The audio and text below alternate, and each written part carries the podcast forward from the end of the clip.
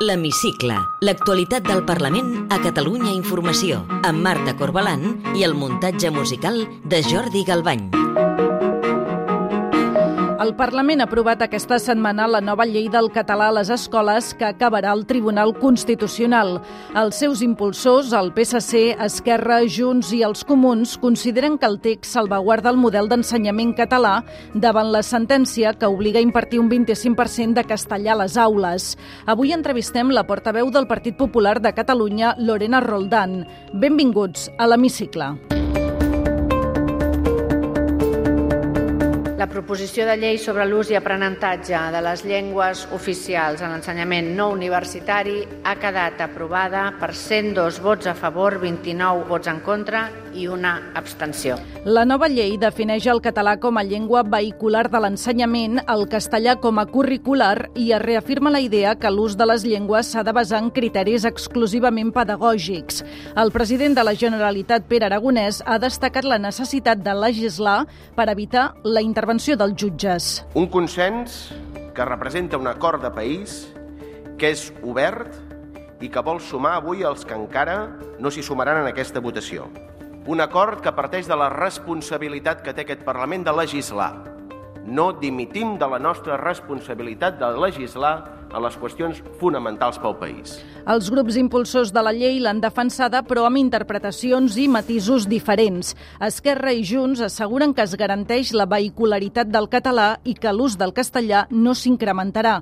En canvi, per a la diputada del PSC, Esther Niubó, el castellà serà a partir d'ara una llengua d'aprenentatge. El castellà és llengua d'aprenentatge per fer servir, si s'escau, en altres matèries o àrees competencials, com ja passa actualment en moltes escoles catalanes. Per tant, en cap cas la proposició de llei vulnera la normativa, desafia tribunals ni busca la confrontació, el que fa és recollir la realitat de les escoles i el que persegueix són solucions i grans acords de país. El diputat de Junts per Catalunya, Francesc Ten, ha carregat contra l'estat espanyol. Què hem fet els catalanoparlants per tenir sempre l'estat en contra de la nostra llengua? Per què no entén l'Estat la riquesa de la diversitat i minoritzen el català i l'aranès? Quina actitud tan anticultural, no?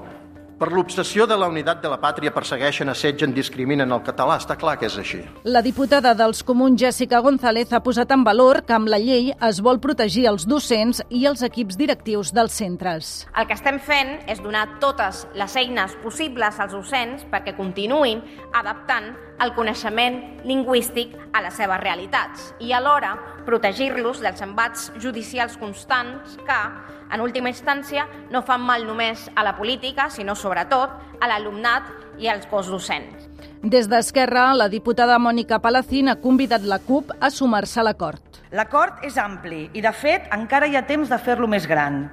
És un consens que ens agradaria ampliar i convidem a la CUP a sumar-s'hi. El decret llei pot ser una nova oportunitat quan arribi aquí al Parlament per tornar-nos a trobar. La comunitat educativa necessita paraigües amplis. La CUP, però, es manté al marge de l'acord perquè considera que la nova llei obre la porta al bilingüisme a les aules. Lluny de sumar-se al consens, el diputat Carles Riera ha carregat contra els socis de govern. Senyors i senyores de Junts per Catalunya, senyora Borràs, aquesta és la legislatura de confrontació amb l'Estat i d'unilateralitat que vostès varen prometre en la seva campanya electoral. I senyors i senyores d'Esquerra Republicana, aquest és el conflicte democràtic amb l'Estat per tal de defensar drets i consensos de país? La triple dreta denuncia que amb la nova llei s'està desobeint la sentència que fixa un ús mínim del 25% del castellà i per això la portaran al Tribunal Constitucional. Sentim el líder de Ciutadans, Carlos Carrizosa, el president del Partit Popular de Catalunya, Alejandro Fernández, i el cap de files de Vox, Ignacio Garriga. Franco le hizo un flaco favor al castellano en Cataluña imponiéndolo y machacando al catalán. Y ahora ustedes le hacen un flaco favor al catalán imponiéndolo ilegalmente y tratando de erradicar el castellano de las instituciones. Jo més aviat diria que el català el mataran vostès de tant estimar-lo perquè vulnerant drets individuals, incrementant les sancions, les delacions en l'àmbit acadèmic o incomplint sistemàticament la llei, així no milloraran l'ús social del català. Això ja els hi avanço jo. No cal ser cap geni per arribar a aquesta conclusió. Hoy evidenciamos una vez más un capítulo de traición del Partido Socialista al conjunto de los catalanes. Un Partido Socialista que se presentó a las elecciones como alternativa al separatismo. Hoy rubrican aquí, una vez más, un insulto hacia las clases medias y hacia las clases trabajadoras. Tot i l'aprovació de la llei, la carpeta de la llengua continuarà oberta. El Tribunal Superior de Justícia de Catalunya haurà de dir si la nova legislació s'adequa a la sentència del 25% i també s'hi haurà de pronunciar el Tribunal Constitucional, que tindrà l'última paraula sobre l'ús del català i el castellà a l'escola. Té la paraula Lorena Roldán, portaveu del Partit Popular a Catalunya. Per què creu que la nova llei del català a l'escola que s'ha aprovat aquesta setmana al Parlament arracona el castellà? Bé, no és una creència. Els propis líders independentistes així ho han dit. El que pretén és blindar el català, però blindar el català suposa que el castellà no sigui llengua vehicular a les aules. I això va en contra de la sentència del Tribunal Superior de Justícia de Catalunya i, sobretot, va en contra dels drets lingüístics dels alumnes. De totes maneres, hi ha partits que interpreten que el fet que el castellà sigui definit com a llengua curricular també vol dir a la pràctica que serà vehicular. Però és que el castellà ja era, ja és llengua curricular perquè evidentment consta el currículum, el currículum acadèmic i per tant eh, dir això no té cap sentit. No? El que és important és que el castellà sigui també llengua d'aprenentatge, que precisament és el que marca la sentència, que a més a més marca també uns percentatges mínims i que diu també com s'han de vehicular aquests percentatges que ha de ser mitjançant eh, com a mínim una altra assignatura troncal. Per tant, nosaltres el que volem és que tant el castellà com el català siguin llengües vehiculars, siguin llengües d'aprenentatge i que els alumnes catalans doncs, surtin amb, amb el millor nivell de dues llengües. El seu partit ha anunciat que portarà la llei aprovada al Parlament al Tribunal Constitucional, però aquesta setmana hi ha hagut el dictamen del Consell de Garanties Estatutàries que ha determinat que la llei s'ajusta plenament a l'Estatut i a la Constitució. Confien que el Constitucional els donarà la raó? És que aquesta llei és una llei, una llei que s'ha fet ad hoc precisament per vulnerar la sentència, per no acatar la sentència. Insisteixo que no és una interpretació, sinó que ens ho han explicat així clarament els partits independentistes. Per tant, nosaltres el que no podem permetre és tenir un govern de Generalitat i uns partits que li donen suport que diuen obertament que continuaran vulnerant els drets dels alumnes, perquè no complir la sentència significa vulnerar aquests drets. I per tant, nosaltres, evidentment, defensarem les famílies, defensarem aquests alumnes davant del Tribunal Constitucional. És cert eh, que el dictamen diu que, que s'ajusta a la legalitat, perquè el problema no és el que diu la llei, el problema és el que no diu aquesta llei. Aquesta llei no parla dels percentatges, aquesta llei no respecta aquest 25% eh, com a mínim, aquesta llei no fixa el castellà com a llengua vehicular i és aquí on tenim el problema. Per tant, no és el que surt, sinó el que no surt. Creu que no es poden respectar els drets lingüístics de tots els alumnes sense fixar percentatges? És necessari fixar percentatges? Sobre el tema dels percentatges es parla molt, el govern diu que això és antipedagògic, a nosaltres ens estranya perquè la pròpia senyora Geist marcava percentatges per l'educació superior del 80%, llavors eh, demanem que, bueno, una mica de coherència, no? que, que si un diu que sí i l'altre que no, doncs que es posin d'acord abans de parlar.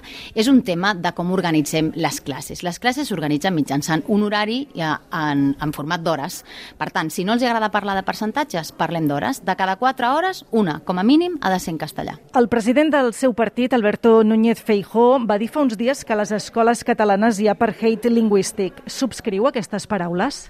Hi ha hagut molt d'enrenou amb aquestes eh, paraules. Vaig veure fins i tot un tuit del senyor Aragonès, el president, molt ofès, però no el vaig veure igual d'ofès quan aquestes mateixes paraules les va dir a Joan Tardà, al Congrés dels Diputats, líder reconegut de l'independentisme i d'Esquerra Republicana, que va dir que l'estat espanyol es comportava igual que la Sud-àfrica de l'apartheid. Jo crec que podem posar els noms que vulguem i fer les comparatives que vulguem, però el que hi ha és una clara voluntat d'excloure el castellà de les aules. Insisteixo molt amb el tema de que no és una interpretació, sinó que ens ho han dit de manera molt clara els líders independentistes aquestes setmanes, quan hem parlat de la llengua i quan hem parlat eh, del decret. No volen de cap de les maneres que es faci una hora més, una assignatura més en castellà. I jo crec que això és claríssim i, per tant, nosaltres el que no podem és, primer, permetre que no es compleixin les resolucions, segon, eh, deixar que es vulnerin els drets i, tercer, excloure una llengua que és oficial i que és la llengua comuna a tot Espanya.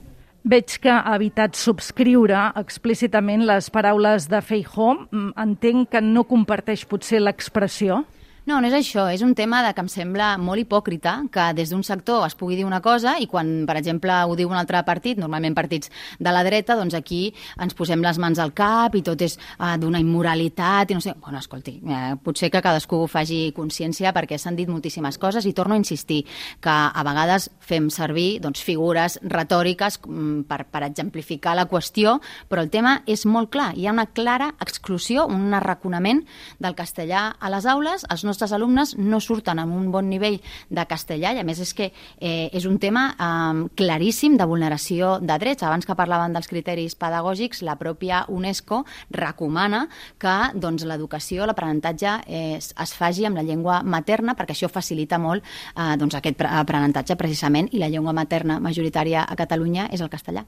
El govern de Pedro Sánchez per ara no ha mogut fitxa en tot aquest debat de les llengües. Què en pensa? Us ho trobo bastant vergonyós, perquè no pot ser que el govern d'Espanya i el president del govern vegi que té una comunitat autònoma que diu clarament, un govern d'una comunitat autònoma que diu clarament que no pensa complir amb una resolució i el senyor Sánchez em sembla que mira cap a una altra banda. El que no pot ser és que tinguem un president eh, del govern que sap que aquí s'estan vulnerant drets dels alumnes perquè així ho fixa aquesta sentència i que no faci absolutament res. És que em sembla uh, inconcebible aquest tema, sobretot uh, perquè insisteixo que estem parlant d'un tema molt sagrat, que és l'educació dels nens, i aquí, tot i que les competències siguin del govern de la Generalitat, evidentment, en última instància, el govern d'Espanya també uh, té aquestes competències i sobretot té el deure i l'obligació l'obligació de protegir els alumnes i de protegir les seves famílies.